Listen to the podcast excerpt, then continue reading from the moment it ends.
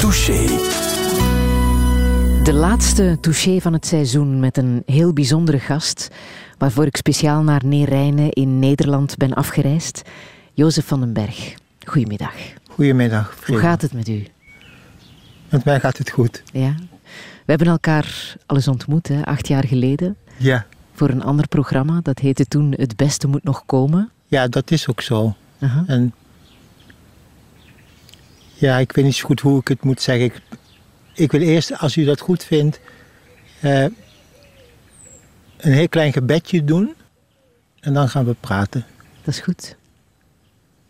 Heer Jezus Christus, Zoon van God, mogen dit gesprek dat wij tot uw eer beginnen, door uw genade tot een goed einde komen. Zo. We zitten hier ehm, op een fantastische plek die nog altijd zo idyllisch is als toen. Onder de kweeperenboom. Er is weinig veranderd, hè? Er is niet heel veel veranderd. Ik heb misschien hier en daar wel wat meer spulletjes gekregen, maar dat komt ook omdat ja, er zoveel lieve mensen ook altijd van alles meebrengen. En Ja. ja, je wil het dan ook wel een soort plekje geven. Mhm. Met het kacheltje buiten, met het keukentje van overvloed, Ja. met de hut. Eh Jozef van den Berg, hoe zou u zichzelf omschrijven? Ja. Natuurlijk altijd heel voorzichtig zijn om daar hele grote woorden aan te geven. Mhm. Maar ik ben toch ook wel echt wat ik denk dat ik ben. En dat is geroepen door God. Hoe wonderlijk dat ook lijkt. Om als zijn acteur, om dat woord te gebruiken, een weg te gaan die hij me heeft gegeven om te gaan. Om dat laatste wat mij is overkomen, waardoor eigenlijk het theater uit mijn handen gevallen is in de Singel in Antwerpen. Om dat laatste niet te spelen in een theater op de planken, maar te leven in de werkelijkheid. En verder, ja, een mens van vlees en bloed Mhm. Die in deze wereld leeft. En die wel leeft met een hele bepaalde innerlijke ervaring. En ja, ik zie het wel als mijn, als mijn, als mijn enige nog.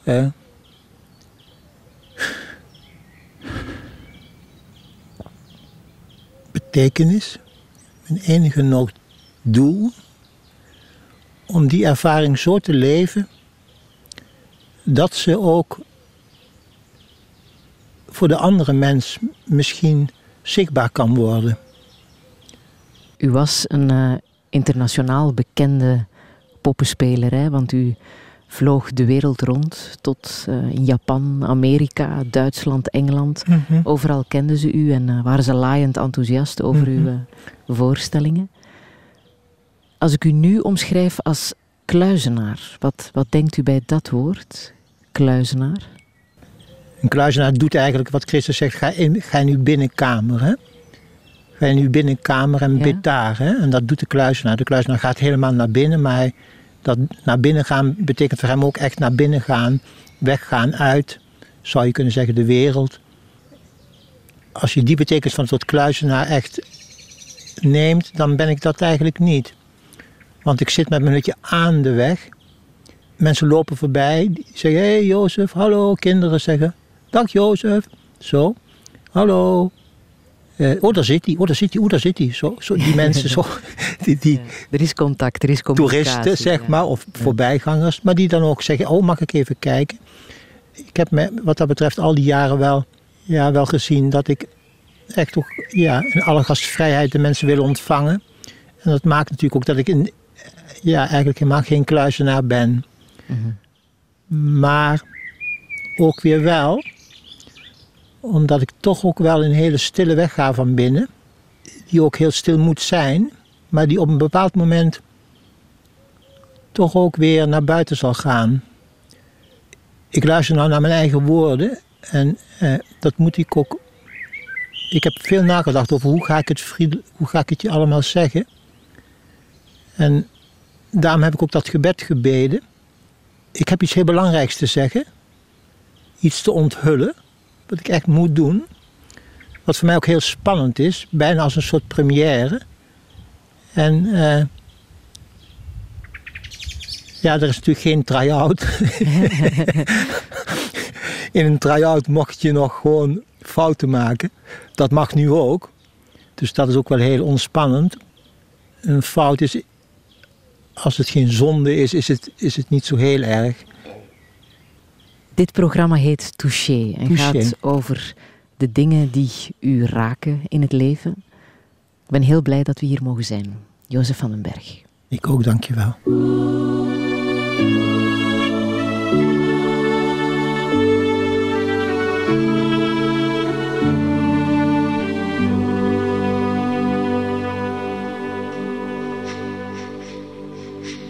love to speak with Leonard. He's a sportsman and a shepherd. He's a lazy bastard living in a suit. But he does say what I tell him, even though it isn't welcome. He just doesn't have the freedom to refuse. He will speak these words of wisdom like a sage, a man of vision, though he knows he's really nothing but the brief elaboration of a tube. Going home without my sorrow, going home sometime tomorrow, going home to where it's better than before. Going home without my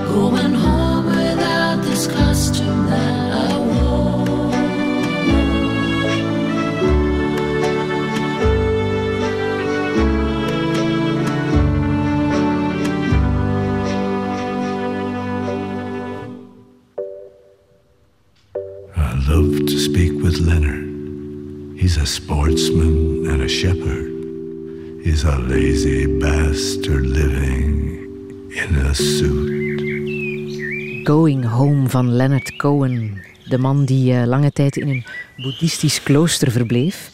Hier uh, kijkt hij naar zijn aardse zelf en hij zegt: He's a lazy bastard living in a suit. Leonard Cohen is een uh, luierik, levend in een kostuum.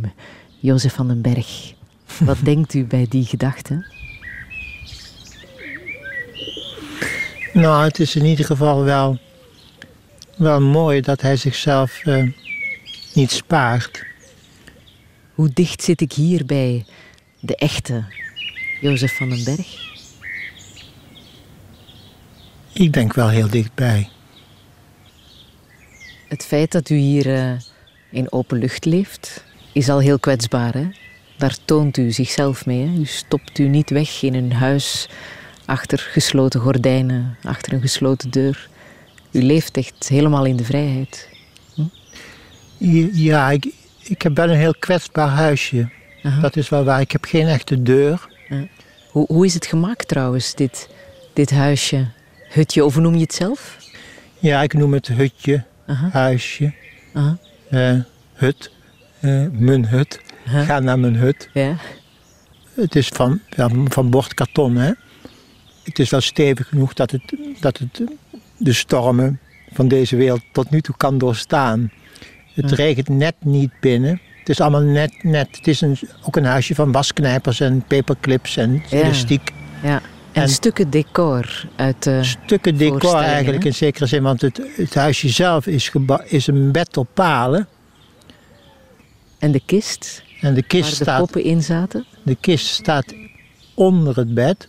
-huh. En in de kist zitten nu niet de poppen, maar de kist is eigenlijk de woonplaats geworden van de iconen. Kunnen we eens gaan kijken? Kunnen we gaan kijken, ja. ja. Oké, okay, gaan we doen. Ja. We gaan even naar binnen, hè? langs het, uh, het prachtige buitenkacheltje. ja. ja, dat heb ik gekregen van eh, de man van mijn dochter Lotte. Die heeft het zelf gemaakt, Daan. Die heeft het heel mooi gemaakt. Het is een, ja, het is een buitenkachel, hij heeft er ook wieltjes onder gemaakt. Alsof je ermee zou gaan rijden. En hier hebben we het, uh, het keukentje van Overvloed. Het keukentje van Overvloed. Ja, waar, waar ik alle spulletjes bewaar. En, en, uh, en de witte fiets. De witte fiets, oh ja, dat zie je goed. Dat ziet u goed. Dat de theaterfiets, hè? Dat is de fiets van Troef. Ja. En Lotte, mijn dochter, heeft hem op mijn verjaardag vorig jaar weer hier naartoe gebracht. Mooi. Sindsdien staat hij weer hier. Ja. Zullen we eens binnen gaan in het hutje?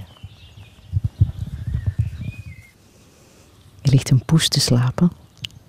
Poekie de poes. Dit is prachtig. Ja, u, staat nou in het, in het uh, kamertje voor de kapel. Het is allemaal heel klein. Het zijn alleen maar meters, hè? Een paar, meter, een paar vierkante meter. Een heel klein poortje, afgetimmerd met uh, bamboelatjes, zwarte achtergrond. En daar hangen allemaal iconen op. En binnen in het kapelletje is in zekere zin een heel klein heiligdommetje. Waar de kist staat, zal ik even voorgaan? Ja. Waar de kist staat. Met in het midden van de deksel een hele mooie icoon van Christus als hoge priester. En om hem heen staan alle heiligen.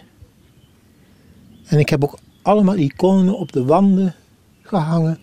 Dus het is eigenlijk een heel klein orthodox arkje geworden vol heiligen. Hoe vaak zit u hier? Heel vaak, heel veel. Ik slaap hier ook op de grond naast de kist. Op een schapenvacht. Het is net niet groot genoeg, hè? Om hier te liggen. Nee, de voeten steken altijd buiten. Dat is al vanaf het begin. en hier voelt u zich veilig? Ja. Ja. Ja, ik ben hier heel graag. Het is hier een hele, hele heilige sfeer. En uh, een plaats waar ik tot de moeder Gods bid om raad en om inzicht op de weg die ik ga. En hier ook bid ik voor, ja, voor ons, voor de wereld, voor... Je merkt eigenlijk dat het toch steeds moeilijker wordt in de wereld en dat de mensen elkaar steeds minder goed verstaan. Dus het is mijn grote hoop dat God ons nog zou helpen. Dat, dat Hij ons nog iets laat zien waardoor wij op een nieuwe manier ook misschien met elkaar kunnen omgaan. In hoeverre lijkt deze plek op um, wat u heeft gezien en meegemaakt op de berg Athos? Want daar bent u naartoe getrokken, hè? Uh, naar een klooster in Griekenland op de berg Athos. Ja. Was dat ook deze atmosfeer? Ja. Ja. Het is eigenlijk een heel klein, heel klein Athos, Athosje dit. en het is wel grappig, want ik heet ook Van den Berg. Ja. Dus het is een soort, het is een soort eh, niet, dat het, niet dat ik verder belangrijk ben, maar het is wel heel grappig allemaal. Of grappig, het is wonderlijk dat op een bepaalde manier, ja, heeft God iets gemaakt eh, waar ik ook met verbazing naar kijk. En denk, heer, hoe is het mogelijk dat het allemaal zo gaat? En dat u mij in mijn eigen kleedkamer heeft opgezocht. En mij gezegd heeft, ja, hier ben ik. Dus God heeft een soort hele wonderlijke vertelling gemaakt. Die niet over mij gaat, maar die gaat over hem. Maar, hij heeft mij als soort, als ik dat zo mag zeggen, ge- ja, aangeraakt. Om, wil, je dat, wil je dat misschien voor mij doen? Zo, heer, wat, wat moet ik doen? Eh, nou, ja, dat, dat zeg ik nog niet. Dat komt, dat laat ik je wel zien. En zo heeft hij mij inderdaad, ja, heb ik gezien, Heer, dat ga ik voor u doen. Wat het ook is, dat ga ik doen. U heeft ook bevestiging gekregen hè, in Athos, op Athos, van de monnikpriester Porphyrios. Porphyrios. En het feit dat hij dat bevestigde, moet voor u wel heel erg belangrijk geweest zijn. Het feit dat hij bevestigde dat het goed was wat u deed. Ja. Ik had een brief geschreven aan hem. Ik had een, een vrouw leren kennen telefonisch die, die een leerling was van hem, Anna. Anna Marini. En het was een paar maanden na mijn stoppen. En ik vertelde haar mijn ervaring, wat er was gebeurd. En ze zei, Jozef, eh, schrijf maar een brief. eh, stuur die maar naar mij. En dan ga ik onmiddellijk met kerstmis naar vader Porphyrios toe en zal ik wel aan hem voorlezen. En zo is ook gebeurd. En ik heb hem later ontmoet. Maar eerste kerstdag ging de telefoon in de avond, was het Anna. En ze sprak Frans en zei, oui, Joseph, euh, on est, j'étais, pas Porphyrios. C'était, incroyable. Maar ze was die brief aan het voorlezen. Vader, ik heb een brief van Jozef, van een jonge man uit Ne- Nederland. Toen nog jonge man. Nederland. En die zei... eh, eh, ja, zegt hij, lees maar als voorkind. Maar Vader Porphyrios was oud, was blind. En ze begon te lezen. En toen zei hij, stop aan, stop maar. En dan wist hij het allemaal al. Hij zei, ja, dat is waar. Dat heeft God met hem gedaan. Dus ik kreeg het bericht. Ce que tu as senti, c'était de la part de Dieu. Wat je hebt ervaren, was van God. Dat zei die heilige vader. Zie je mijn God? Ik wist ook dat het van God was, maar ja. Je bent heel klein en eh, je hebt leiding nodig. Je hebt iemand nodig die, die dat bevestigt, zodat je ook werkelijk. Je kunt in je eentje niet, niet eh, het allerhoogste. eh. er is ook zoveel wat tegen je ingaat. Niet alleen van buiten, maar ook vanuit je eigen zelf. Had je dat gevoel? Had je ook veel tegenkanting? Ja, ik, ik had, en dat zag vader Porphyrios ook later toen ik bij hem was. En toen, ik, ik leefde in een voortdurende strijd om, om, om dat wat ik had ervaren, om dat een soort te verloochenen. Allemaal vragen. Ik kwam uit een meer Oosterse filosofie, waarin eigenlijk geen God bestaat. Waar de mens het eigenlijk alleen doet, zeg maar, een soort weg van zelfverlossing. Ik wist toen niet dat er iemand was en dat is het grote, het grote ontdekken geweest. Dat, dat, dat in één keer God zei, hier ben ik. Ik. Waarom zie jij steeds maar niet dat ik niet komen kan? Omdat ik er al ben. En dat zat ik op te schrijven in de single. En dat was mijn eerste ontmoeting met God. Toen hij, terwijl ik dat zat op te schrijven, legde hij in één keer zijn hand op mijn hart. En daar voer ik een liefde die, die, die hij mij gaf. Kijk, als ik je nu aanraak, dat ga ik niet doen, maar dan weet je dat het niet je eigen hand is. Dus je wordt, ik, word, ik word aangeraakt. Stel je voor dat je bent nooit aangeraakt. En in één keer word je aangeraakt. Met een hand. Dan weet je, dat is, er is iemand. En u was alleen in de kleedkamer. En u voelde echt een hand. Nee, ik voelde. En dat is heel moeilijk om dat, om dat in woorden uit te drukken. Maar God is, God is oneindig lief. zo lief, er zijn in onze taal geen woorden om over de liefde van God te praten. En dat moet je ook maar niet doen. Maar degene die God leert kennen, die weet dat het God is. Dat, dat, dat, dat is van God. En dat is, dat is ook het grote probleem van de mensen. Is dat hij met zijn verstand probeert God eh, te, te, te, te pakken. En dat te zeggen, ja, God is er of God is er niet. Maar het verstand kan God niet pakken, omdat God liefde is. Je kunt hem niet op jouw manier pakken, want dat, dat, hij ons, je kunt hem niet pakken, want hij is geest. Geest. En dat is het grote geheim. En daarover gaat dit hutje. En dat is een vertelling die hij wil vertellen. En ik weet ook niet hoe hij dat precies gaat doen. Maar ik weet wel dat, dat het waar is. En dat ik er op een hele wonderlijke manier. heeft hij mij erin geschreven. Maar heeft u er ook ingeschreven. En dat is, dat is het mooie van, niet van mij, want dat moet ik eigenlijk steeds opnieuw zeggen. Het is een soort wonderlijke vertelling die ons is overkomen. En die op een of andere manier ons iets wil vertellen. God wil ons iets echt vertellen, iets uitleggen, maar hij doet het op zijn manier en op zijn moment. En die vertelling is heel erg belangrijk. Dat is een zaak van leven en dood.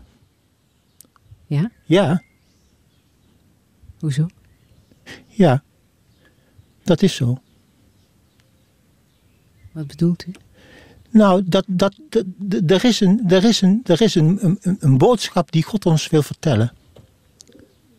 Op leven en dood? Ja. Waarom ontroert het u zo om dit te vertellen? Omdat ik net merkte toen wij begonnen te praten, dan heb ik mij voorbereid en dan, dan weet ik, ja, wat ga ik zeggen tegen Friedel, hoe ga ik het zeggen, wat ga ik zeggen. Ik heb veel op mijn hart, veel om te vertellen. Maar dan weet ik ook, ja, dan komt er een soort, dat ken ik ook nog wel vanuit het theater, dan heb je een soort eigen wil. Snapt u wat ik wil zeggen? Dat het ik, dat het, het ik er niet bovenop gaat zitten, want dan word je krampachtig en zo. Is het ontroering van geluk? En het is ook ontroering van geluk, omdat ik al 23 jaar, al 23 jaar leef ik, leef ik dit leven. En ik weet dat ik echt op weg ben. Eigenlijk ben ik weer op weg naar Antwerpen. Ik ben eigenlijk weer op weg naar. Ik ga niet weer optreden hoor. Maar ik ben op weg naar een. Dat de mensen zullen begrijpen waarom ik ben gestopt. En dat mijn kinderen zullen begrijpen waarom papa is weggegaan. Want ik ben toch niet, u denkt toch zeker ook niet. Ieder mens houdt toch van zijn kinderen? Je, gaat toch niet weg van je kinderen? Nou, ik dus ook niet. Maar er is dus kennelijk iets. Waarom wel? En dat bedoel ik. Dat, dat als je inderdaad door God wordt aangeraakt, dan krijg je ook een verantwoordelijkheid om dat trouw te zijn en om dat te leven. Begrijpt u een beetje? Dan, dan moet je misschien een weg gaan dat iedereen zegt hij is gek geworden.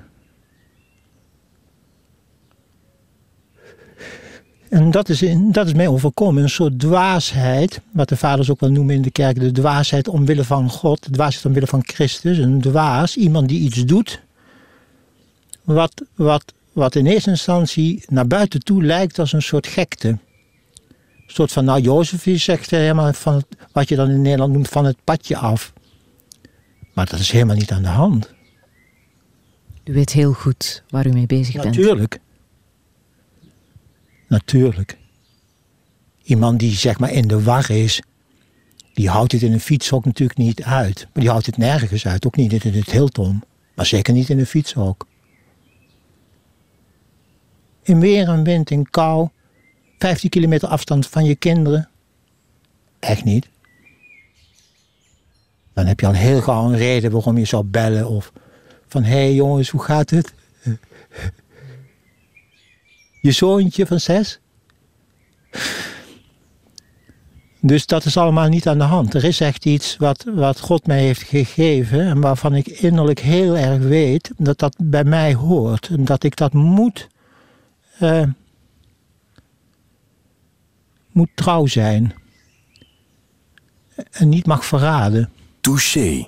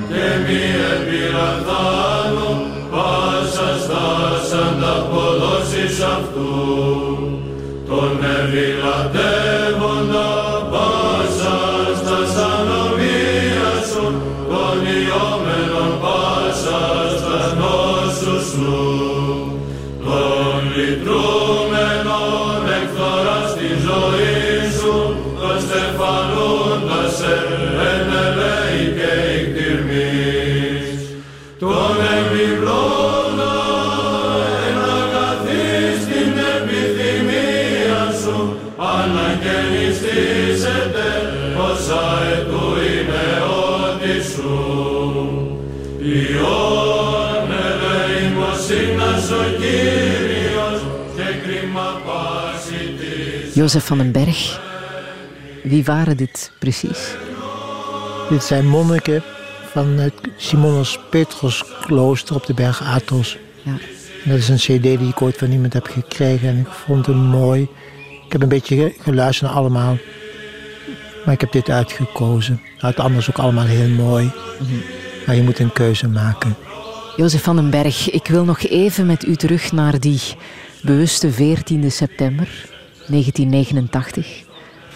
Het podium van de single, 5 voor 8, waar u aankondigde dat u niet meer zou spelen. Ik zal het u proberen uit te leggen. Ik hoop dat u één ding voor mij hebt. En het is respect voor mijn beslissing. Ik heb ontzettend lang gezocht. Ik ben overal geweest. Uiteindelijk kwam ik tot de conclusie dat de zoeker zoekt, maar hij wordt gevonden.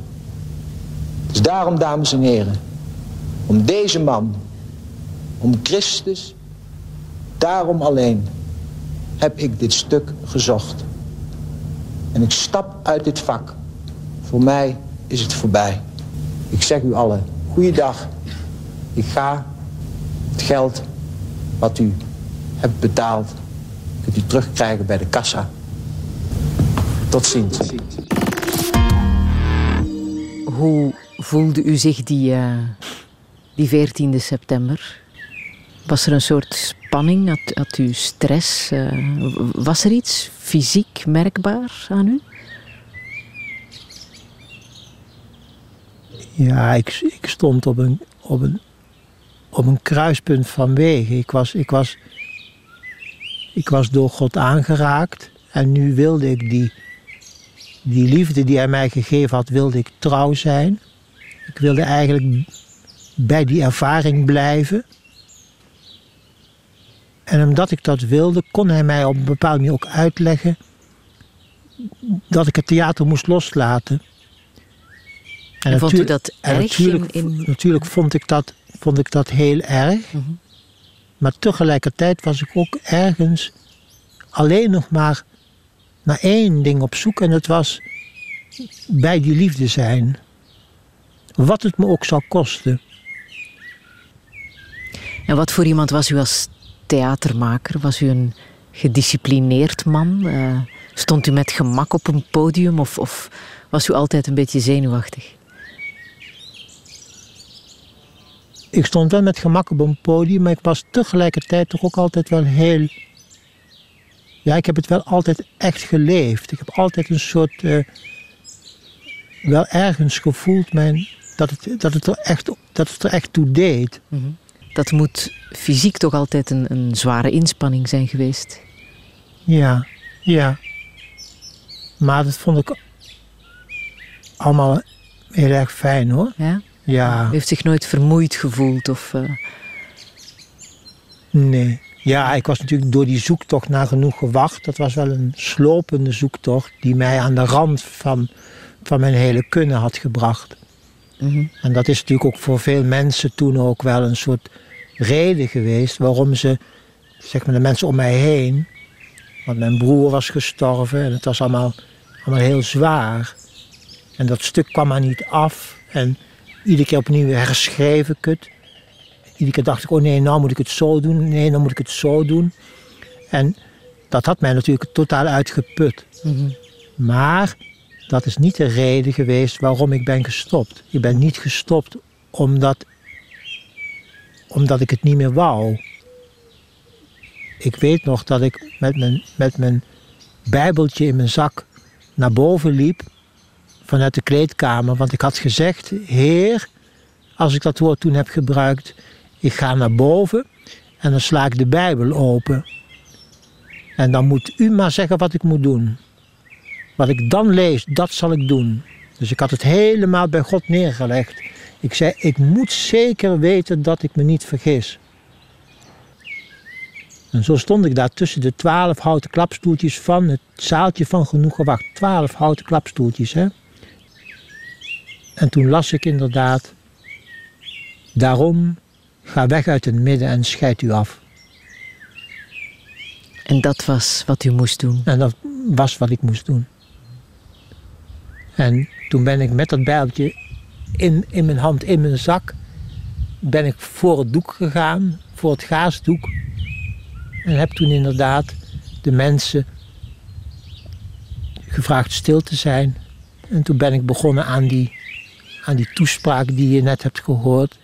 En wat heeft u toen gedaan nadat u het publiek had gezegd dat u niet meer zou spelen? Wat, het heeft even geduurd hè, voor de mensen het ja, geloofden. Moesten de mensen eerst allemaal lachen en toen hebben ze uiteindelijk, ja, werden ze toch stil. En toen ik de naam van Christus gebruikte, echt was. Ze dachten dat het, een, dat het bij het stuk hoorde. Maar toen ze dan de naam van Christus hoorden, toen werden ze in één keer allemaal heel stil. Toen, ja, ik geloof ook dat de mensen huilden. Het was een, het was een soort uh, verwarring. Sommige mensen applaudisseerden, andere mensen waren waarschijnlijk boos. In ieder geval, het was, een, het was, het was echt iets. En toen ben ik weggelopen. Je kunt het ook op dat bandje horen, mijn voetstappen op die houten vloer, tok, tok, stappen. En het, het wonderlijke was, ik had namelijk verwacht, om dat niet te zeggen, dat, dat God, met, door die stap, dat hij mij zou zegenen. Dat ik zou ervaren dat hij mij als het ware, zeg maar, zo, zou omhelzen zoals hij dat had gedaan. Maar dat deed hij niet. Dus ik kwam terecht in een onzagwekkende duisternis. Ik, ik kwam terecht in een, in een donkerte die ik nog nooit eerder zo had gevoeld. En. Eh, maar dat is ook precies eigenlijk wat er gebeurt. Dat God altijd. Hij doet nooit wat jij verwacht. Omdat hij altijd nog meer doet dan je verwacht. Bent u toen gewoon het theatergebouw buiten gewandeld? Ik ben naar de kleedkamer gegaan, wat ik me er nog van herinner. Ik heb daar wat spulletjes gepakt, denk ik. En ik ben met mijn technicus, mijn zwager ook, ben ik in de auto, zijn wij weggereden naar huis. En ik heb gehoord dat u daar was. Ik heb u zien wegwandelen. Zie je, dat is dus waar. Ik was student op het conservatorium. Ja, En ik vond het doodjammer dat ik geen kaartje had voor uw voorstelling. ja, goh, Ik zat op de gang. tjoh. Ja.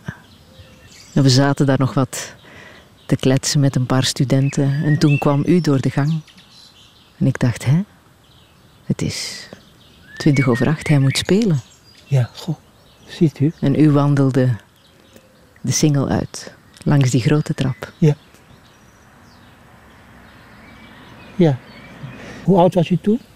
19. 19 jaar. Ja, We zijn 25 jaar later. en we zijn 25 jaar later. En nu zi- zit ik hier en u zit ook hier.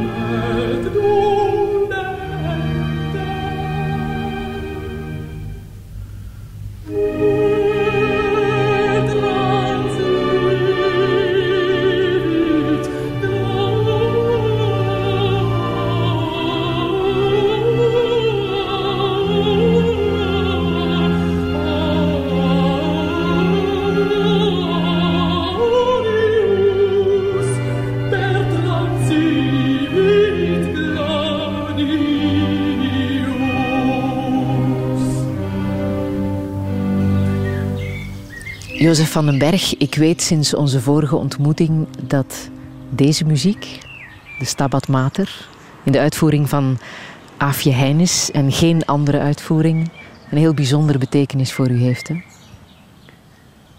Ja, de Stabat Mater van Vivaldi. Die muziek is, is eigenlijk de muziek geweest waarbij ik genoeg gewacht heb geschreven. De vrouw van mijn stervende broer vond die muziek in een huis wat ik had gehuurd in de Ardennen, in een kist. En ze was al heel lang naar die muziek op zoek. En daar vond ze van Rempel in een kist vol platen, vond ze deze plaat van de Stabatmaten van Vivaldi. En ze riep, hé, hey, moet je kijken. En ze zette die plaat op en dat schalde daar door het huis. Het was een heel mooi groot huis van een oud psychiater. Wat ik had gehuurd voor onze familie om de laatste zomer van Alois met elkaar door te kunnen brengen. Twee weken had ik het gehuurd. De dood van mijn broer Alois heeft in feite heel mijn zoeken heel ernstig verdiept. Mijn zoeken werd een, een zoeken op leven en dood. Mhm. Mijn zoeken werd echt een soort. Ja. Ik, ik, wou, ik wou ergens, ja, dat is misschien niet goed te begrijpen, maar ik, ik heb in zekere zin gehoopt dat ik een oplossing zou vinden. Voor hem. Voor hem. Ja. Dat hij niet zou hoeven sterven. Dat hij, Ja. dat hij, dat hij gered zou worden of zo. Wat voor iemand was hij? Hij was een dokter. Mhm. Hij was een lieve, lieve dokter. Hij was eigenlijk internist. Maar hij vond huisartsen zijn toch fijner. Dus hij was een echte huisarts. Een echte arts van de mensen. Altijd op weg naar iedereen. Overal op, op bezoek. En, Mhm. maar op een gegeven moment kreeg hij dus een hersentumor. En toen zei hij, Jozef, ik ben, de, ik ben de ziekste patiënt van mijn hele praktijk. En toen hoopten we nog dat hij zou genezen. Maar toen kwam dat terug, kreeg hij een recidief. En toen zei hij, Jozef, ik ga dood. Dat weet ik zeker. Heeft u nog veel met hem kunnen, kunnen praten? Ja, Huh? ja. We zaten eigenlijk allemaal om zijn, om zijn bed heen. En op een bepaald moment zei hij ook, vroeg hij aan mij, Jozef, want we waren katholiek opgevoed, maar dat was ons een beetje ontvallen allemaal. En mij helemaal, want ik was een Oosterse weg opgegaan. Dus alle wie vroeg dan wel, Jozef, denk je dat er een God is? En is er vergeving? En hoe gaat dat dan? En dus wel, wel vragen rond het sterven en rond het hiernamaals. En, en op een of andere manier heeft ja, zijn, zijn dood en zijn aanstaande dood, zijn sterven ook, zijn lijden ook, heeft mij in dat stuk genoeg gewacht, heel erg aangezet tot, tot, ja, tot het vinden van, een, van iets echts. Ik ben hem heel, heel dankbaar, altijd geweest ook. En ik hoop en bid dat, dat, dat het allemaal in Gods hand bij elkaar hoort. En dat we uiteindelijk allemaal, ja, bij elkaar zullen komen. Ja, denkt u dat? Dat jullie elkaar ooit terugzien? Ja, dat is in Gods hand. Dat kan je eigenlijk niet. Niet. Ja, dat is niet aan ons om dat, om dat, om dat te zeggen. Bent u boos geweest dat hij moest sterven?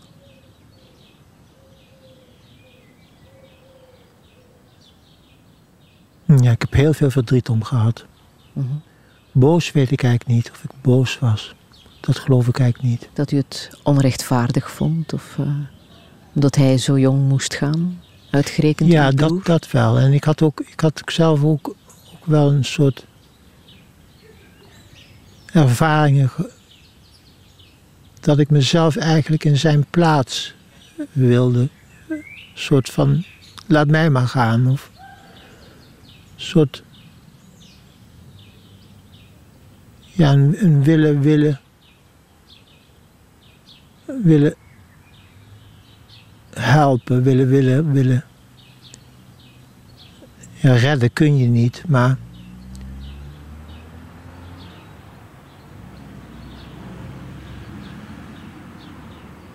Wie had dan, had dan wel, wel vaak steeds vaker van die insulten, van die aanvallen, dat hij door die hersentumor zichzelf zeg maar verloor. Hè? Dat hij soort epileptische aanvallen had en zo. En dat vond ik altijd verschrikkelijk om hem te zien. Hoe, hoe...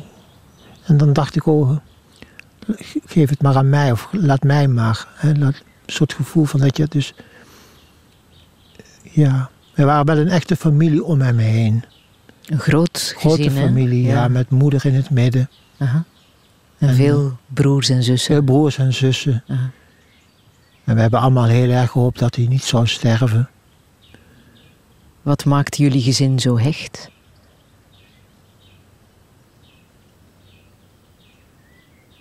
Nou, we zijn altijd wel een hele hechte familie geweest, maar ook een familie met veel, uh, met veel toestanden.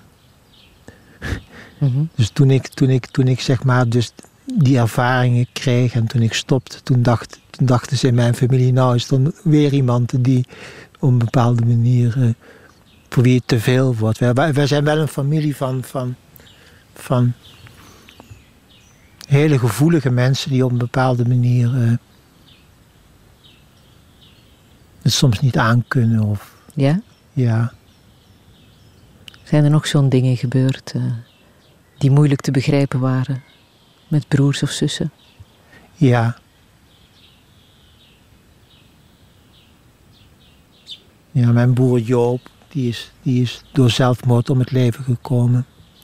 En mijn zusje Roosje ook. En mijn vader is heel vroeg gestorven.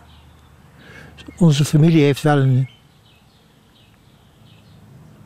Ja, is wel een familie van veel verdriet ook. Maar tegelijkertijd waren we ook wel echt een. Een echte familie bij elkaar, met elkaar en voor elkaar. sprečite rukami, rukami, jako Hristos izbavitelj je s nami, jako Hristos izbavitelj je s nami. Vovitlejem je judesjem rodisja, rodisja, jako otropelen nam i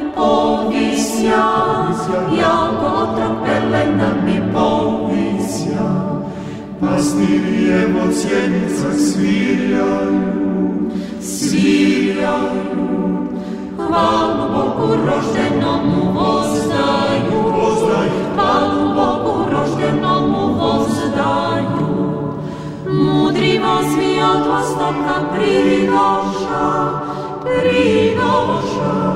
Zlatu livan so smirnoju da doša, zlato livan so smirno juto Se Sego radi snige slovo prevječno, prevječno, da so kružica i doli konječno, da so kružica i doli konječno. I oginecja sila i kropreki, vopreki,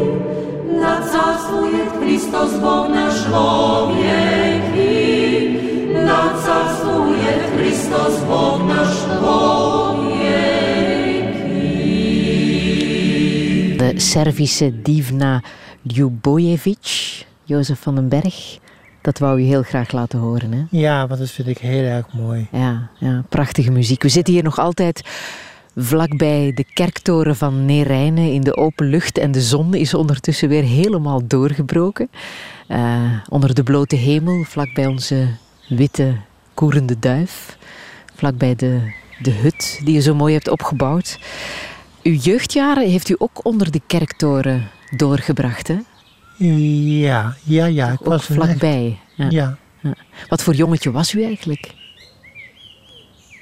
Een lief stout jongetje. Een lief stout jongetje. Ja? denk het wel. Ja.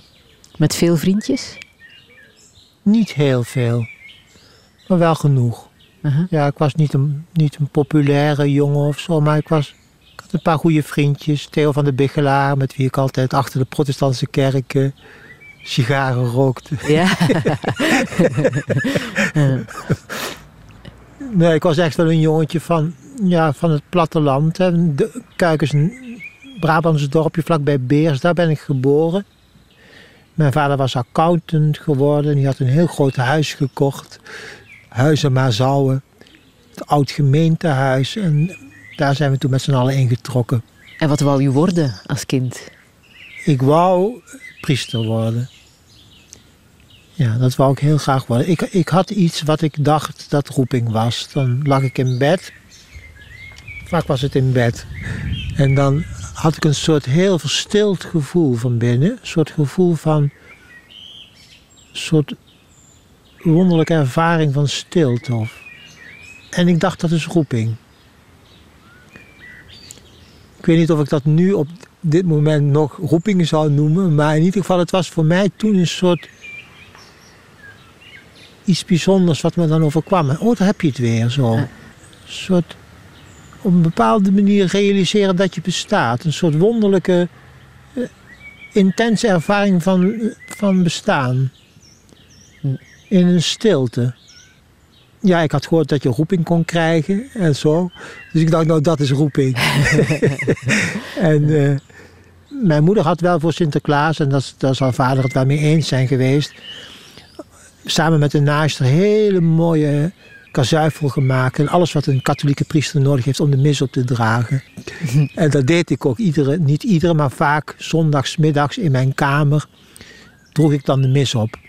Samen met mijn broertje Charles, die was vier jaar jonger dan ik. En die had voor, voor Sinterklaas ook alles gekregen wat een misdienaar nodig heeft. maar hij vond het helemaal niet leuk. Nee? Nee, nee, dat doe ik niet, zei hij. Zeg, nou, nou moet je dit zeggen. Nee, dat doe ik niet.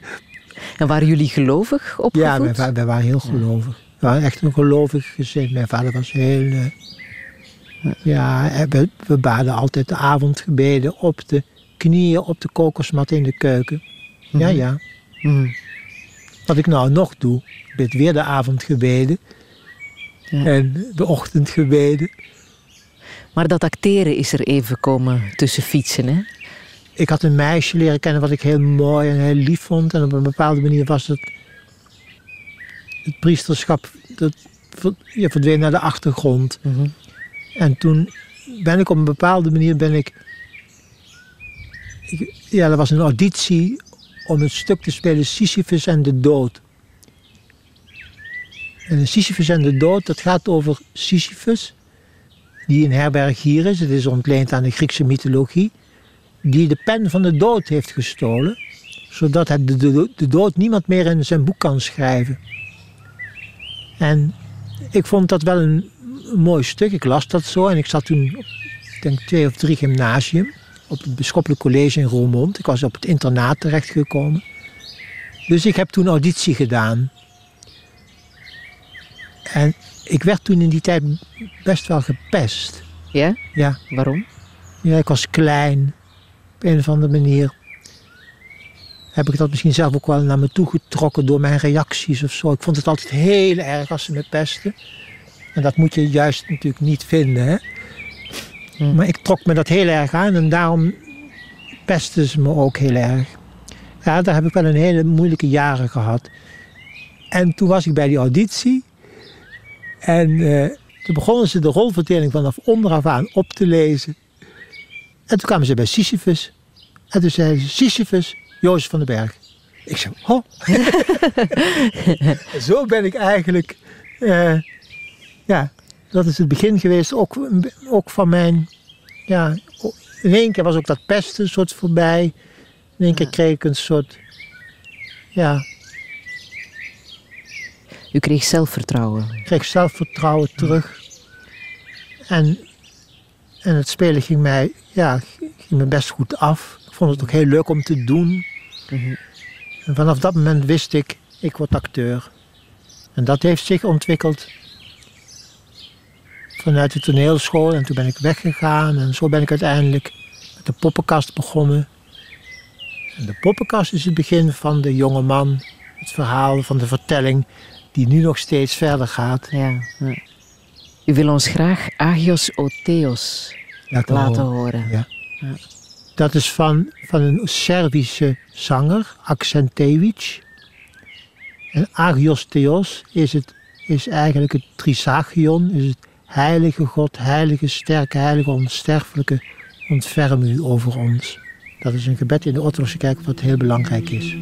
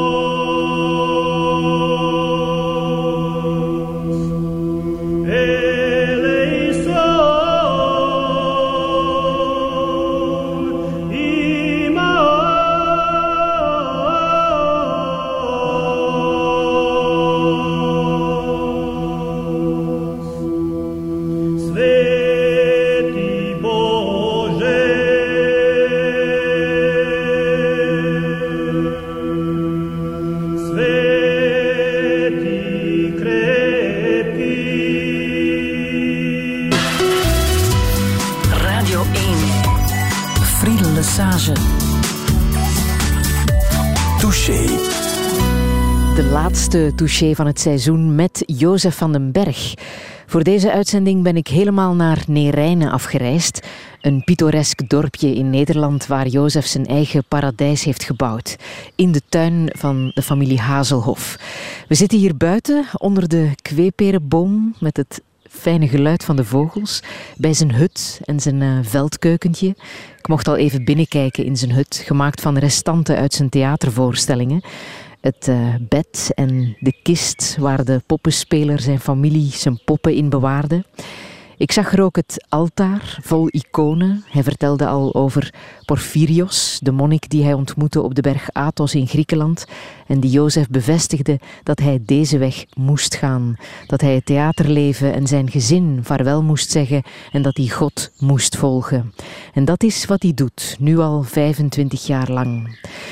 En hij wil ons ook nog iets heel belangrijks zeggen. Heel benieuwd. Dit is Touché met Jozef van den Berg. Een zeer goede middag.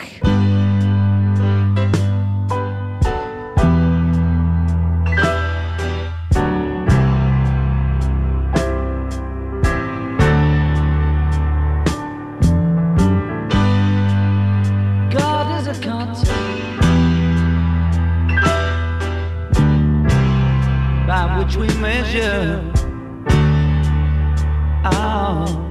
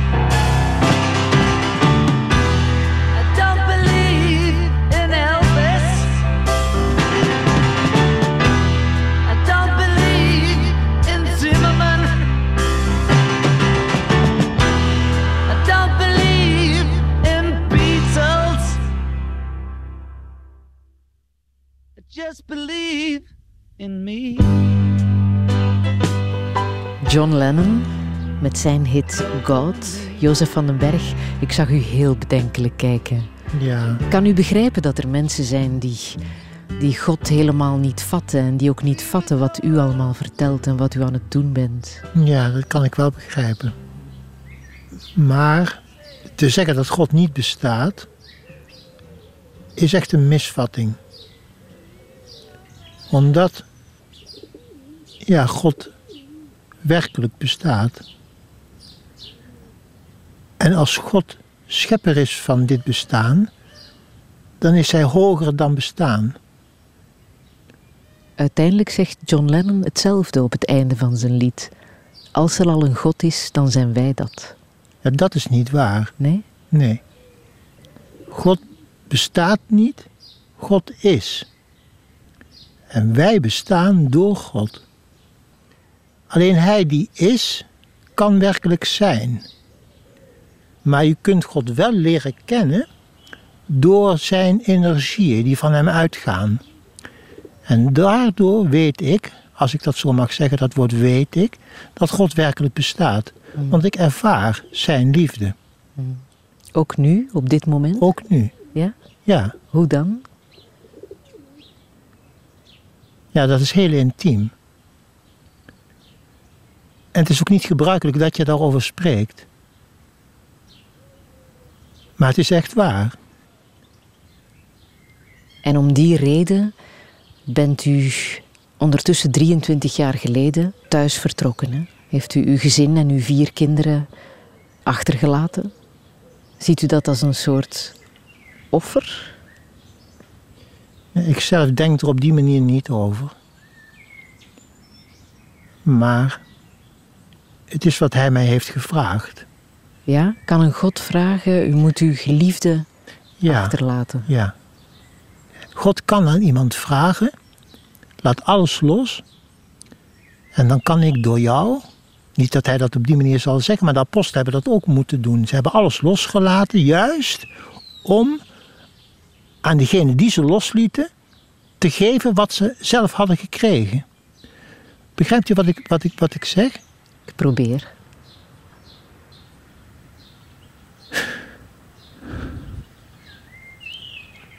Het is een roep die ik heb beantwoord. Omdat God dat zo duidelijk heeft gedaan, heb ik dat ook gekund. Maar hoe heeft u dat toen aan uw, uw kinderen uitgelegd? Uw jongste zoon was, was zes. Ja, ik heb hun, ik heb hun op de dag dat ik, dat ik wegging, dat was 2 juni, op een zondagmorgen, heb ik hun dat in de vroege morgen verteld. Maar dat kan je niet uitleggen. En ze kunnen het ook niet begrijpen. En dat is dan natuurlijk ook heel pijnlijk. Ook voor uw vrouw. Ook, ook, ook voor mijn vrouw, maar ook voor mij. Maar tegelijkertijd is het misschien voor mij nog, als je dat zo kunt zeggen, makkelijker dan voor hun. Want zij weten eigenlijk niet wat ik wel weet. Ja, ik zeg het nu op deze manier, omdat ik natuurlijk in al die jaren al vaker deze vraag heb gehad en dat ik dan wil uitleggen dat het heel erg zou zijn geweest als ik het niet had gedaan. Het is een mysterie. Ik zal je een brief voorlezen, als je dat goed vindt. Een brief die ik heb geschreven zelf toen ik werkte aan genoeg gewacht. Zoals je zeker wel zult begrijpen, aan alles moet ooit een einde komen. Ook aan het wachten. Eindelijk. Het is zover. Ik werk op dit moment aan een stuk waarin ik een zeer precair onderwerp wil behandelen. Een zaak van leven en dood. Ik ben me er heel goed van bewust dat daar grote gevaren aan verbonden zijn. Ik moet daarom trachten datgene wat ik zeggen wil, zodanig te verhullen dat het alleen door grondig zoeken gevonden kan worden. Na lang beraad, ook met mijn naaste familie, heb ik besloten Het niet in het onzichtbare, maar juist in het zichtbare van mijn werk te verbergen. Ik heb en zij het nog een voorlopig contract afgesloten met een acteur tussen haakjes, in wie ik wat dit zoeken betreft alle vertrouwen heb. Een jonge man op leeftijd, zonder werk, erg gehecht aan zijn persoonlijke theatrale inzichten, maar toch met een onmiskenbaar zuiver gevoel voor het woord. Aan de andere kant iemand die door een ernstig persoonlijk verlies openstaat voor iets nieuws en juist daardoor steeds zoekt naar de betekenis van het woord zelf. Kortom, een ideaal samengaan in één mens. Zoals hij is, beantwoordt hij precies aan mijn doel. Dat is een tekst die ik heb geschreven. Maar God heeft mij door dit stuk aangeraakt.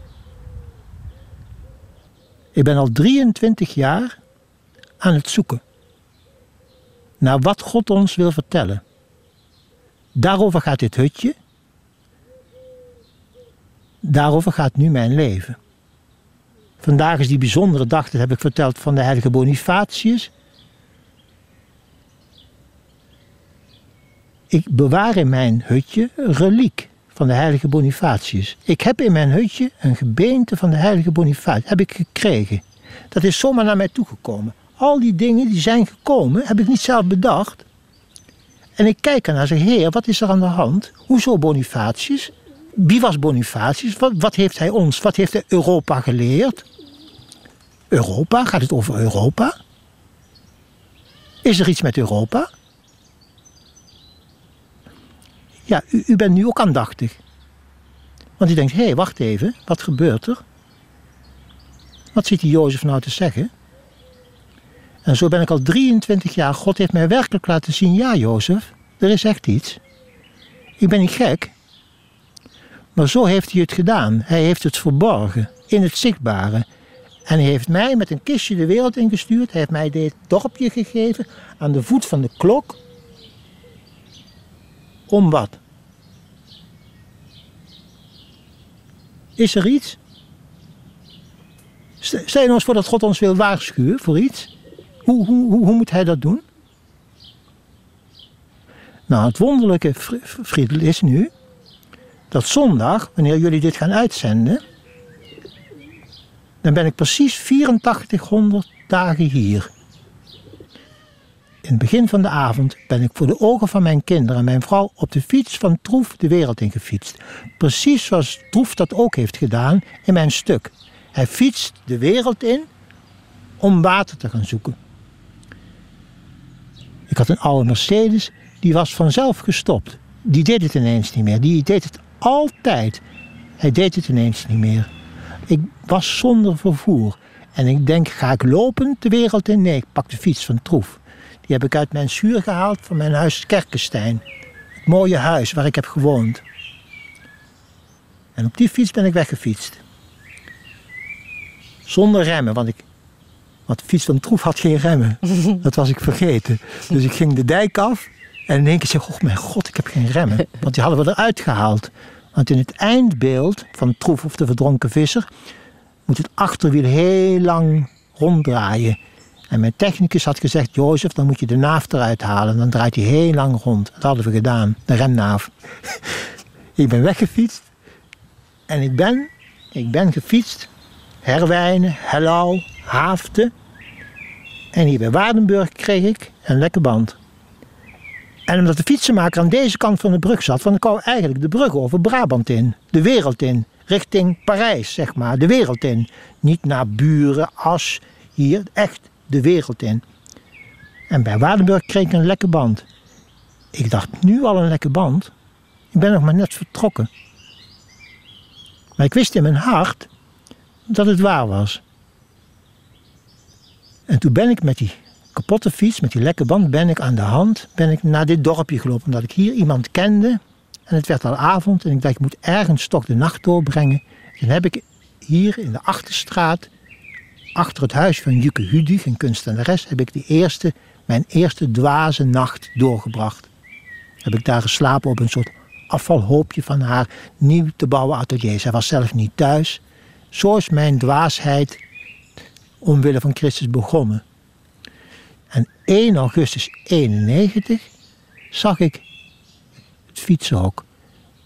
En toen begreep ik mijn God. Ik ga niet echt reizen. Ik maak een reis, maar stilstaand.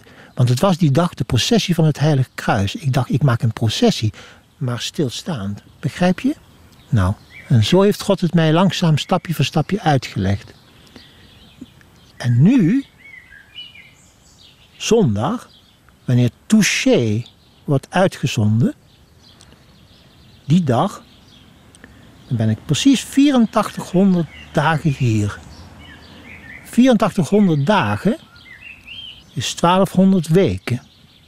En 1200 weken, als iedere week één minuut is, dan is het precies 8 uur. Ik ben vijf voor acht gestopt. Daar was u erbij. En zondag is het precies 8 uur. Dan ben ik 8 uur hier. Begrijpt u wat ik zeg? 20 uur. 20 keer 60 is 1200, keer 7 is 8400. Het wonderlijke is dat zondag, 22 juni, is de tweede zondag na Pinksteren, is in de orthodoxe kerk de zondag van de eerste leerlingen. Zo wordt die genoemd. En dan lezen we dit evangelie.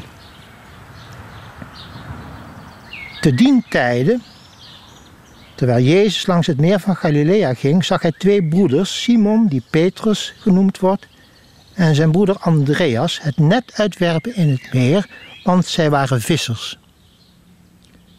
En hij zeide tot hen, komt achter mij, dan zal ik u vissers van mensen maken. Terstond lieten zij hun netten liggen en volgden hem.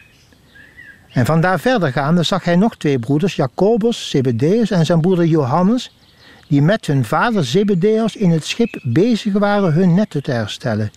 Hij riep ook hen. Ook zij lieten terstond het schip en hun vader achter om hem te volgen.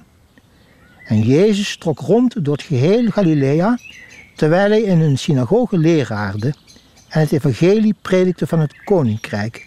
En hij genas allerlei ziekten en kwalen onder het volk. Dat is het evangelie wat zondag gelezen wordt. Dus het is de zondag van de eerste leerlingen die vissers waren. En ik ben zondag precies 20 uur sinds ik ben vertrokken met de fiets van Troef of de verdronken visser. Die op zoek is naar echt water om nu eindelijk eens een vis te vangen die de moeite waard is. Dus u begrijpt dat ik u dit moet vertellen. Het is in Gods hand, maar ik weet dat Hij wil dat ik dit vertel. Ik vertel dit en dat is het. Ik heb al zo vaak gedacht, oh nou begrijp ik wat u wil zeggen. Oh nee. Ik heb toen u kwam, heel openlijk gezegd nu, heb ik ook gedacht, dit is, dit, is, dit is een heel belangrijk moment. Nu komt België naar mij toe en ik ben in België gestopt. Uw programma heette toen Het Beste Moet Nog Komen.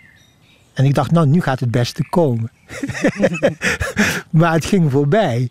En het ging gewoon voorbij. Ik zei, Heer, oh, had er zo naartoe geleefd. Van nou, zo, een, laat ik zeggen, niet dat ik weet hoe, maar ik weet dat Hij ons wil verbinden. Dat Hij op een bepaalde manier die, die ervaring die hij mij heeft gegeven, die wil hij, die wil hij, die wil hij ook doorgeven. Maar dat, dat, moet, dat moet op een bepaalde manier gebeuren. Dat kan ik niet doen. Maar hij kan wel zeggen: Oké, Jozef, als jij dat wil doen, dan, dan, dan, dan, kijk. En zo ben ik gaan zien toen u weer kwam. En u noemt nu uw programma Touché. Touché is echt, ja, geraakt. Is, is bijna ontmoeten. Is bijna. Eh, mijn voorstelling heet De Ontmoeting. Die heb ik nooit meer gespeeld. En daarom geloof ik zelf dat dit in Gods hand is. Dat het op een bepaalde manier draadjes zijn van een vertelling die, ja, die hij heeft verborgen, die hij mij heeft laten zien, en nu vertel ik het aan u. U komt, ik denk, ik ga het Friedel zeggen. Ja, het is in Gods hand, maar ik zie u instemmend knikken. Het is zo. Stel je voor dat het waar is. Stel je nou eens voor dat het echt waar is, dat hij ons echt iets wil zeggen. Heeft u zelf enig idee? Ja, Wat wil hij dan zeggen?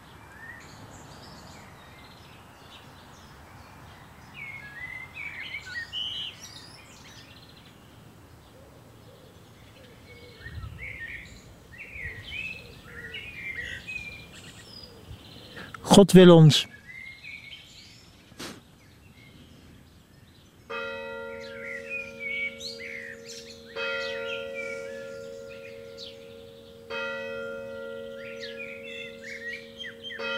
God, God wil ons.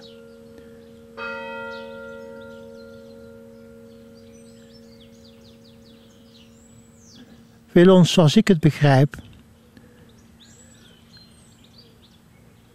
waarschuwen.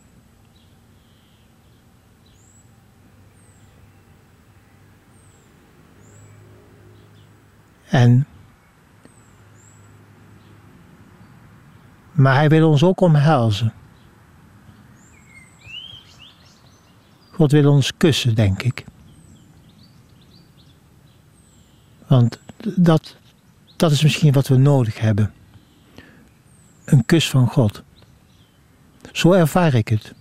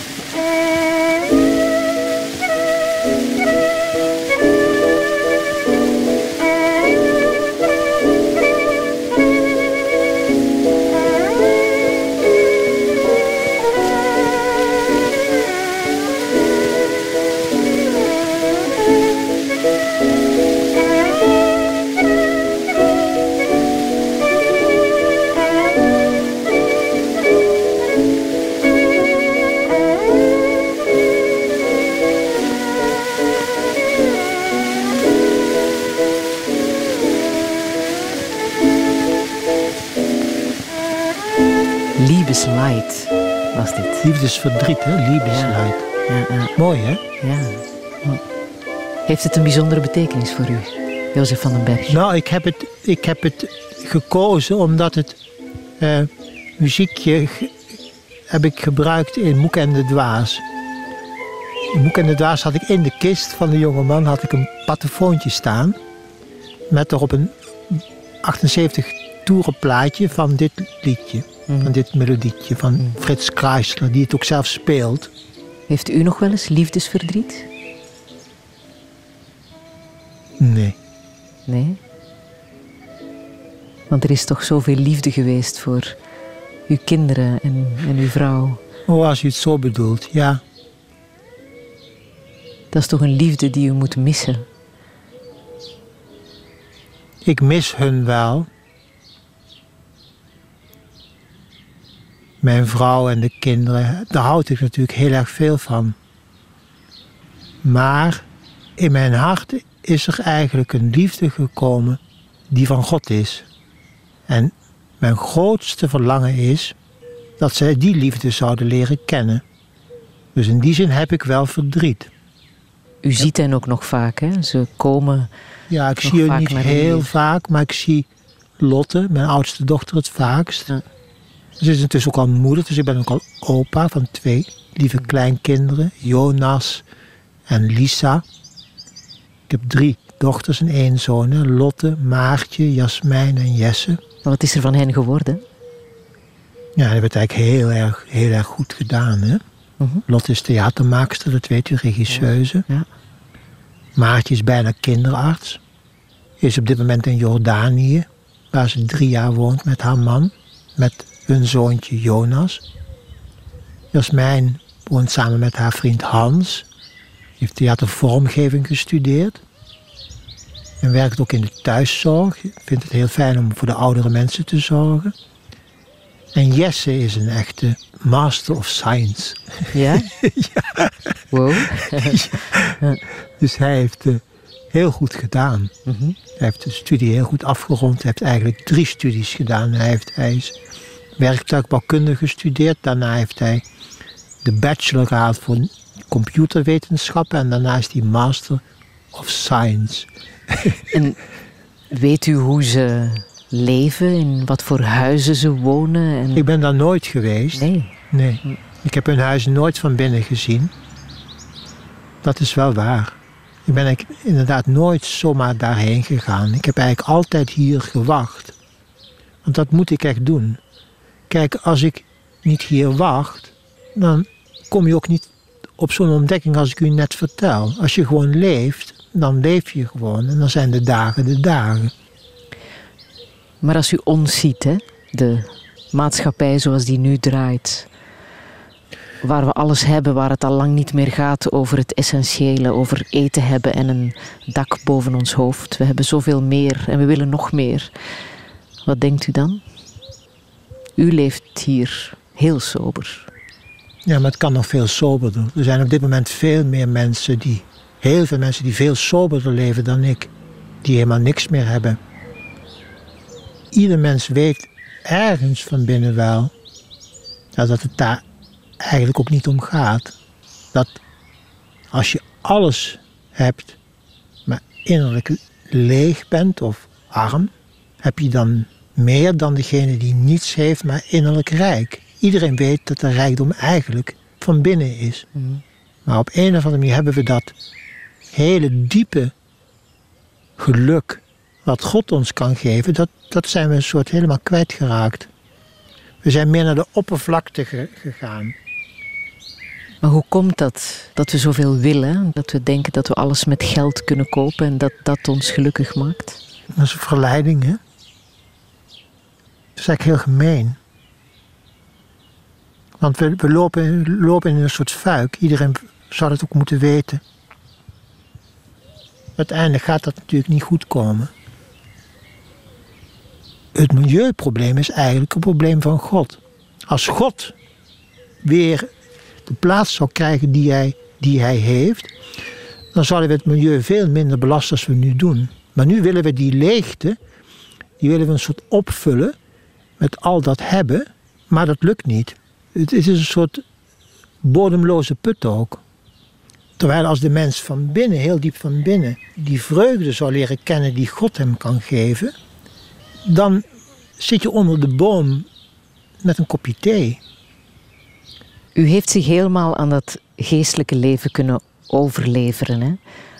Maar ik vraag mij toch af op welke manier draait u nog mee in onze gewone maatschappij? Betaalt u belastingen? Hoe, hoe gaat dat bij u? Nou, ik heb geen geld. Dus ik leef van spulletjes die ik krijg. Dat is het. Maar is het zo als u geen geld verdient en ook nergens om geld vraagt, officieel, dat u niets moet? Ja, mijn vrouw, mijn vroege vrouw Hansje, die heeft dat overgenomen. Die heeft eigenlijk het gezin echt overgenomen helemaal in, in haar eentje. We zijn eigenlijk feitelijk, wettelijk ook nog getrouwd. Wel heb ik toen ik wegging bij de notaris een soort document getekend. Waarin ik dus officieel afstand deed van alles wat ik had. Hansje kon bijvoorbeeld ons huis verkopen zonder mij. Maar ook naar de kinderen toe. Ik heb, ik heb gezien, ik ga helemaal weg. Ik ben er eigenlijk niet meer. Ik heb ook eigenlijk geen eigen adres. Want ik woon hier op een plek waar je eigenlijk niet kunt wonen. In de tuin van In de tuin van. En Hazelhof. de gemeente gedoogt het. Als ik ga zeggen, ja, ik wil een eigen adres, dan krijg ik een probleem. Ja. Dus ik laat het allemaal maar een soort bestaan. En wie is die meneer Hazelhof dat hij u al zo lang in zijn prachtige tuin laat leven? Dat is Harm en Ank. Harm is een eerste stuurman geweest op de grote vaart. Hij is nu met pensioen natuurlijk. Hij is al achter in de zeventig. En zijn vrouw Ank. Ank is ook weefster. Dus ik woon eigenlijk in de tuin van een weefster. Ik ook altijd heel wonderlijk heb gevonden. Terwijl ik altijd zeg, ja, ik, het is een weefsel wat God heeft gemaakt. God heeft iets geweven. En uitgerekend kom ik terecht in de tuin van een van de belangrijkste weefsters van Nederland. Aha. Ze heeft ook allemaal weefgetouwen daar in haar atelier staan. Mhm. Ja, het zijn allemaal draadjes en touwtjes en knopjes die op een of andere manier een verhaal vertellen. En u zorgt ook wel voor de tuin, denk ik dan. Ja, Ja. ja. Ik help natuurlijk heel erg mee in de tuin. En wat doet u nog meer? Want aan de het gras overkant. hier van Harm en Ank en het hout help ik Ja. natuurlijk heel erg mee, waar ik ook zelf gebruik van mag maken. Kloven en opstapelen en zagen. En, en in de overkant is een hele mooie kasteeltuin waar ik echt een vrijwilliger in ben. Een tuin van het oude kasteel. En het is geworden tot een openbare tuin van vrijwilligers. Die wordt bijgehouden door een groepje al oudere vrijwilligers, waar ik er ook één van ben. En verder ben ik ook in het dorp, ook een soort, ja, wel een soort vliegende kiep. Ik heb nu bijvoorbeeld vier huizen waar ik op pas. Mhm. Eh, Dus ik was vanochtend al vroeg om hier en daar. maar heb ik daar ook even gedoucht. Kijk, Ja. dat is ook weer een soort... De mensen zeggen, Jozef, hi- hier is de sleutel of zo. En zie maar, als je wat nodig hebt, je weet de diepvries. Zo is het. Hè? Ja. Dus ik ben langzaam maar zeker ook een soort, ja... Ze zeggen ook wel eens een soort sheriff, sheriff van het dorp.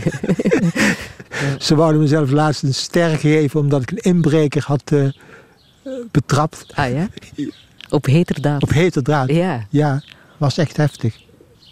Hij wou me echt slaan met een soort stuk ijzer of zo. Echt. Op straat. En toen ben ik in één keer heel hard gaan schreeuwen. Je kent wel zo'n stripfiguur met zo'n, met zo'n ballonnetje waarin help staat. Hè? Zo. zo hard. Ik was drie dagen echt schor. Help! En hij, hij schrok van mijn hulpgeroep. en toen maakte hij in één keer om, rechtsomkeerd. En heeft u hulp gekregen? Toen heb ik later toch wel de politie gebeld. Want u heeft wel een mobieltje, hè? Ja, ik heb een Dat, mobieltje. dat heeft u wel, hè? Ja, Waarom is dat nodig? Als u zo onthecht leeft, dan toch dat mobieltje. het kan wel zonder, maar dan moet je toch wel een ander leven hebben als ik. Want ik heb best ook heel veel mensen die mij bezoeken of die mij bellen of die mij... Toen was mijn zoon Jesse een keer heel erg ziek. En toen zeiden ze, ja, dan moet je toch wel je mobieltje bij je houden, papa, want... En zo heb ik toch gezien, ja, ik moet toch maar een soort meegaan. Ik denk ook als apostel Paulus nu zou leven, denkt u dat hij geen mobieltje zou hebben? Radio 1. Touché. Jozef van den Berg. Wat is het liefste wat jij hebt? Tjoh, wat een vraag. Herkent u de zin? Ja, het liefste wat ik heb, dat moet Jozef in de pot stoppen. Dat is uit de oceaan. Ja, ja. Dat je daar nou over begint. Zal ik dat fragment uit het theaterstuk even laten horen? Ja. Harry! Het kan! Je kunt je stem terugkrijgen. Ik moet alleen het liefste wat ik heb in de pot stoppen.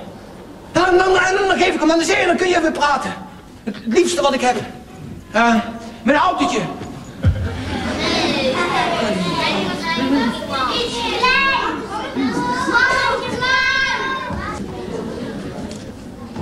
Liefste wat ik heb?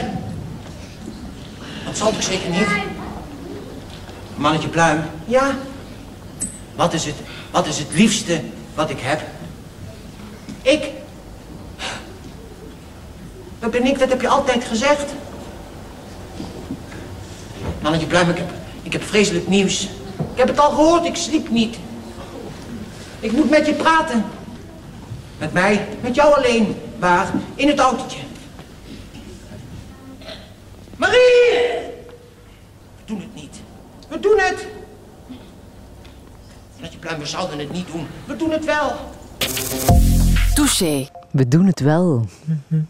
Toen heeft u het liefste wat u hebt, mannetje pluim, in de pot gestopt hè, om de stem van Marie terug te kunnen krijgen. Dat was nodig in de voorstelling. Hoe, hoe is het voor u om dit terug te horen? Ontroerend. Ja? Jozef moet het liefste wat hij heeft in de pot stoppen. En dat zijn mijn kinderen. Ja? Ja. Hm. En toen ik in het fietshok zat en ik dat allemaal begon te overdenken, dat ik Jozef, dan hoorde ik mezelf zeggen, Jozef moet het liefste wat hij heeft in de pot stoppen. Ja, toen heb ik wel gezien dat ik in feite al heb gespeeld wat ik later echt heb moeten doen. Twijfelt u nooit? Nee.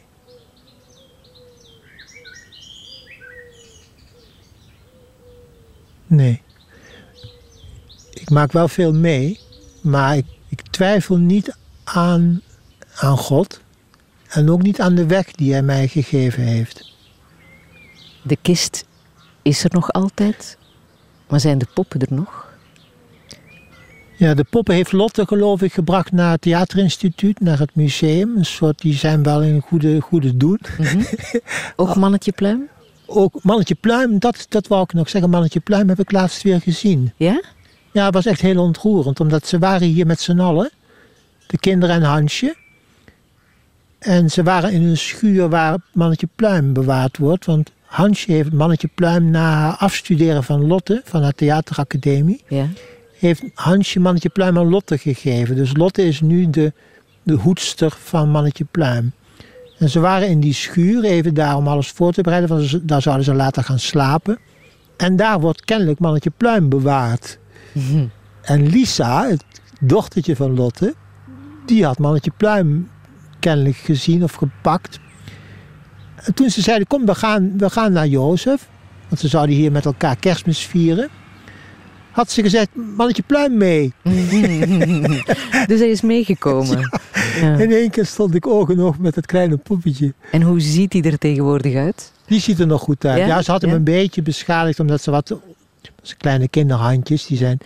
Mannetje Pluim is eigenlijk een heel eenvoudig klein bol poppetje. Bol, bol gezichtje met een soort bol neusje met een heel mooi klein mutsje. En een paar, paars, donkerpaars eh, jasje. Het is heel eenvoudig. Mm. Maar Mannetje Pluim is het poppetje wat ik altijd zei, heb ik van mijn papa gekregen. Vlak voordat mijn vader doodging, gaf hij mij Mannetje Pluim. En dan zei hij, Jozef. Ja, papa.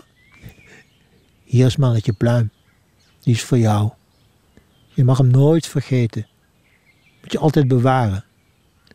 Als je vergeet, jongen, dat je klein bent geweest, dan word je later onherroepelijk een vervelend groot mens. Hij is jong gestorven, hè? Ja. Ja. Hij was al heel ziek en ik zat op kostschool en ik was naar huis gekomen. Ik heb zondagmiddag nog samen met hem in zijn slaapkamer naar de televisie zitten kijken. Mhm. Naar een soort Don Camillo film of eh, wat hij heel leuk vond. En dat vond ik altijd zo fijn dat hij dan lachte. Maar toen ben ik weer teruggegaan naar school, want ik moest zondagavond weer terug naar het kostschool. En toen dinsdag kwam mijn broer Ben, die onlangs ook is overleden, mij ophalen van kostschool om te zeggen dat vader heel erg ziek was en dat hij wilde dat ik naar huis kwam. Maar toen was hij al dood. Maar dat wou hij niet zo rechtstreeks meteen zeggen. Nou, daar hebben we vreselijk verdriet om gehad. Ik denk dat, dat alle verdriet in dat verdriet eh, bij elkaar komt. Of, Tenminste, voor mij persoonlijk. Dat is een soort verdriet wat ik ook heb gekend toen ik op het plein zat met de kist. wetende dat het waar was en dat ik daar dus echt zat voor God. En, dan hoorde ik ergens een kinderstemmetje of zo'n hoog stemmetje van een jongetje of zo, of van een meisje. Dan kon heel mijn wezen, werd één, één traan, één en al traan. Zo'n gevoel, een soort, soort golf van verdriet. Dat ik ook niet kon stoppen, kon ik ook, kon ik ook echt niet stoppen. Dat moest ik helemaal een soort uit, uit huilen. En dan kwam ik weer een soort tot bedaren en dan, ja, dan zat ik daar. Heeft u zich ooit wel eens depressief gevoeld? Ik heb een hele grote crisis gekend na mijn, na mijn stoppen. Na mijn bezoek aan vader Porphyrios. En toen hij zei, Jozef, je moet acteur van Christus worden. En toen ik dacht, nu ga ik dus weer voor Christus dan iets maken. Was het werkelijk alsof God me werkelijk helemaal alleen liet. Dus ik kwam terecht in een, in een verschrikking. Ik kreeg geen, geen letter op papier. En er waren al 40.000 kaartjes verkocht. Ik kon het werkelijk niet. Toen bent u ook heel even opgenomen, hè? Ben ik een, opgenomen geweest in een kliniek. eh, ja. Dat was de psychiatrie waar Ja. u toen heeft verbleven. En hoe voelde u zich daar? Ik kwam terecht in een gesloten afdeling. Omdat op de open afdeling geen plaats meer was, zat ik in één keer daar. Ik denk, nou, ik ben echt in de hel beland. Ik dacht ook, dit komt ook nooit meer goed. En. Oh, ik- Hoe lang bent u daar toen geweest? vijf weken. Vijf weken. Ja. En in die, in die, toen zat ik nog maar net in de kliniek, toen was Moek en de Dwaas op de televisie. Oh, het, het was een, een tijd. Ik, oh, ik heb echt verschrikkelijk, verschrikkelijke dingen gedacht en, en gezien ook en meegemaakt. Ja, ik heb echt een, soort hel meegemaakt. Een, een echte geestelijke terreur. Ja, angsten. En, Mhm. ik kon niet meer slapen. Ik werd wakker om vier uur en dan kon ik niet meer slapen. Ik denk, nou, kan dat nou? En dan werd ik om drie uur wakker, kon ik niet meer slapen. En op het laatst werd ik om één uur wakker en op het laatst kon ik helemaal niet meer slapen. Ik heb weken niet geslapen. En angsten waarvoor? Angsten voor, ja, voor de wereld, voor ons, voor de kinderen, voor, ja, Dat hen iets zou overkomen. dat daar niet zou overkomen.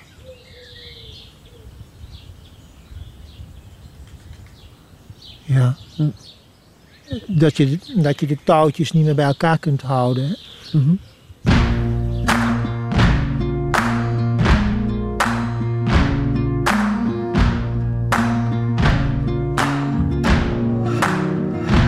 You can run on for a long time, run on for a long time, run on for a long time. Sooner or later, gotta cut you down. Or later, gotta cut you down. Go tell that long tongued liar, go and tell that midnight rider. Tell the rambler, the gambler, the backbiter. Tell him that God's gonna cut him down. Tell him that God's gonna cut him down. Well, my goodness gracious, let me tell you the news. My head's been wet with the midnight dew. I've been down on bended knee, talking to the man from Galilee. He spoke to me with a voice so sweet. I thought I heard the shuffle of angels sweet. He called my name and my heart stood still. When he said, John, go do my will. Go tell that long tongued liar. Go and tell that midnight rider. Tell the rambler, the gambler, the backbiter. Tell him that God's gonna cut him down. Him that God's gonna cut him down. You can run on for a long time. Run on for a long time. Run on for a long time. Sooner or later, gotta cut you down. Sooner or later, gotta cut you down. Well, you may throw your rock, hide your hand. Working in the dark against your fellow man. But as sure as God made black and white, what's done in the dark will be brought to the light. You can run on for a long time. Run on for a long time. Run on for a long time. Sooner or later, gotta cut you down. Sooner or later, gotta cut you down. Go tell that long tongued liar. Go and tell that midnight rider. Tell the rambler, the gambler, the backbiter. Tell him that God's gonna cut you down. Tell him that God's gonna cut you down. Tell him that God's gonna cut you down. God is gonna cut you down, dat is een nummer van Johnny Cash. God zal er altijd voor zorgen dat gerechtigheid geschiet. Dat is wat hij zingt. Hè. Leugenaars en gokkers ontsnappen daar ook niet aan. Jozef van den Berg, ik, ik zag u een kruisteken maken. Telkens als er muziek komt dat u niet zelf heeft gekozen, dan, dan maakt u een kruisteken. Hè? Deed ik dat? Ja. Ik maak wel eens vaak ineens een kruisteken omdat ik, als er gevloekt wordt of zo, dat ik dan een kruis maak. Maar ook wel het beleidschap. Jozef van den Berg, ik eh, ben naar hier gekomen acht jaar nadat we elkaar voor een eerste keer hadden gesproken. Omwille van het feit dat eh, u 25 jaar geleden gestopt bent met theater maken en God bent gevolgd, die weg bent gevolgd. Het had ook om een heel andere reden kunnen zijn, zat ik mij te bedenken. Want eh, Oh. Ja, u wordt 65, hè? O ja. In augustus, 22 augustus. Ja. Ja. Stel dat u nog poppenspeler was geweest, dan kon u met pensioen. Dan had ik u misschien om die reden geïnterviewd. ja. Wat gaat u daarmee doen met 65 worden? Het moet eerst nog gebeuren, Ja. want je weet dat ook maar nooit. Aha. Maar ik denk niet heel veel speciaals. Er zullen misschien wat meer gasten komen. Hoe oud zou u willen worden? Ja, ik leef toch wel met het, met het besef dat elke dag de laatste kan zijn. Ja. En als het mijn tijd is, dan, eh, dan zal het zo zijn. En als u mag kiezen, hoe zou u dan willen gaan? Die slaat de klok, hè? Ja.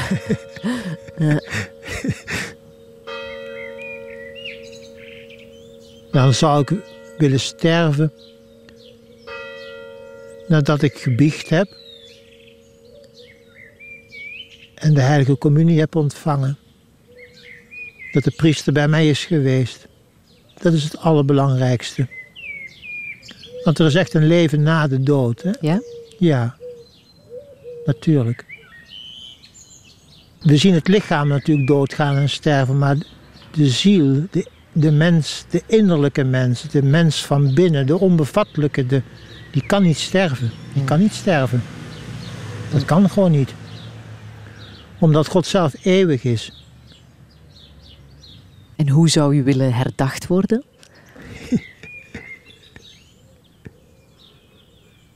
Als acteur van Christus. Zullen de poppen ooit nog spreken? Dat is een leuke vraag. Ik heb er een, eentje meegenomen, hè? die heb ik in mijn hutje. De portemonnee, Ja, de stoutste. de stoutste, ja. Amigo. Dat zei hij altijd, hè? Hey, amigo. Gaat hij nog spreken? Nou, als je hem ziet, dan zou je hem geen cent meer geven. hij zit vol met gaten. Maar zullen de poppen nog spreken? Ik denk het niet.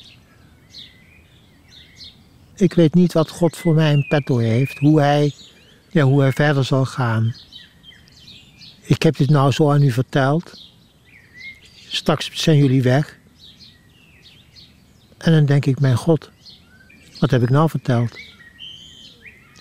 Maar ik, ik weet wel, en dat weet ik echt heel zeker, dat het echt ergens over gaat. En dat straks, als God het wil, en je zou zien waar het over gaat, dat je misschien wel blij zult zijn dat het waar is. Wat denkt u nu dat ik gek ben? Kunt u geloven dat het misschien waar is, wat ik zeg? Is een heel moeilijke vraag, hè? Ja, En ik ben niet gewoon om te antwoorden op de vragen. ik stel meestal de ja vragen. dat mag ook wel zo blijven hoor. Laat maar. Je hoeft niet te antwoorden. Jozef van den Berg, dit was de tweede keer dat we elkaar spraken. Ik hoop dat er nog een derde keer komt. Dat we elkaar nog, dat eh, nog kunnen terugzien. Ik wil je ongelooflijk danken voor dit eh, gesprek. U een goed pensioen toewensen. Dank je wel, En eh, zullen we nog luisteren naar um, Gospodi Pomiloui? Gospodi Pomiloui, Heer ontferm u. Dat zijn de zusters, als ik het goed heb, de zusters van Minsk. En ook uw beltoon van uw mobieltje. Ja, het is op mijn mobieltje de beltoon. Gospodi.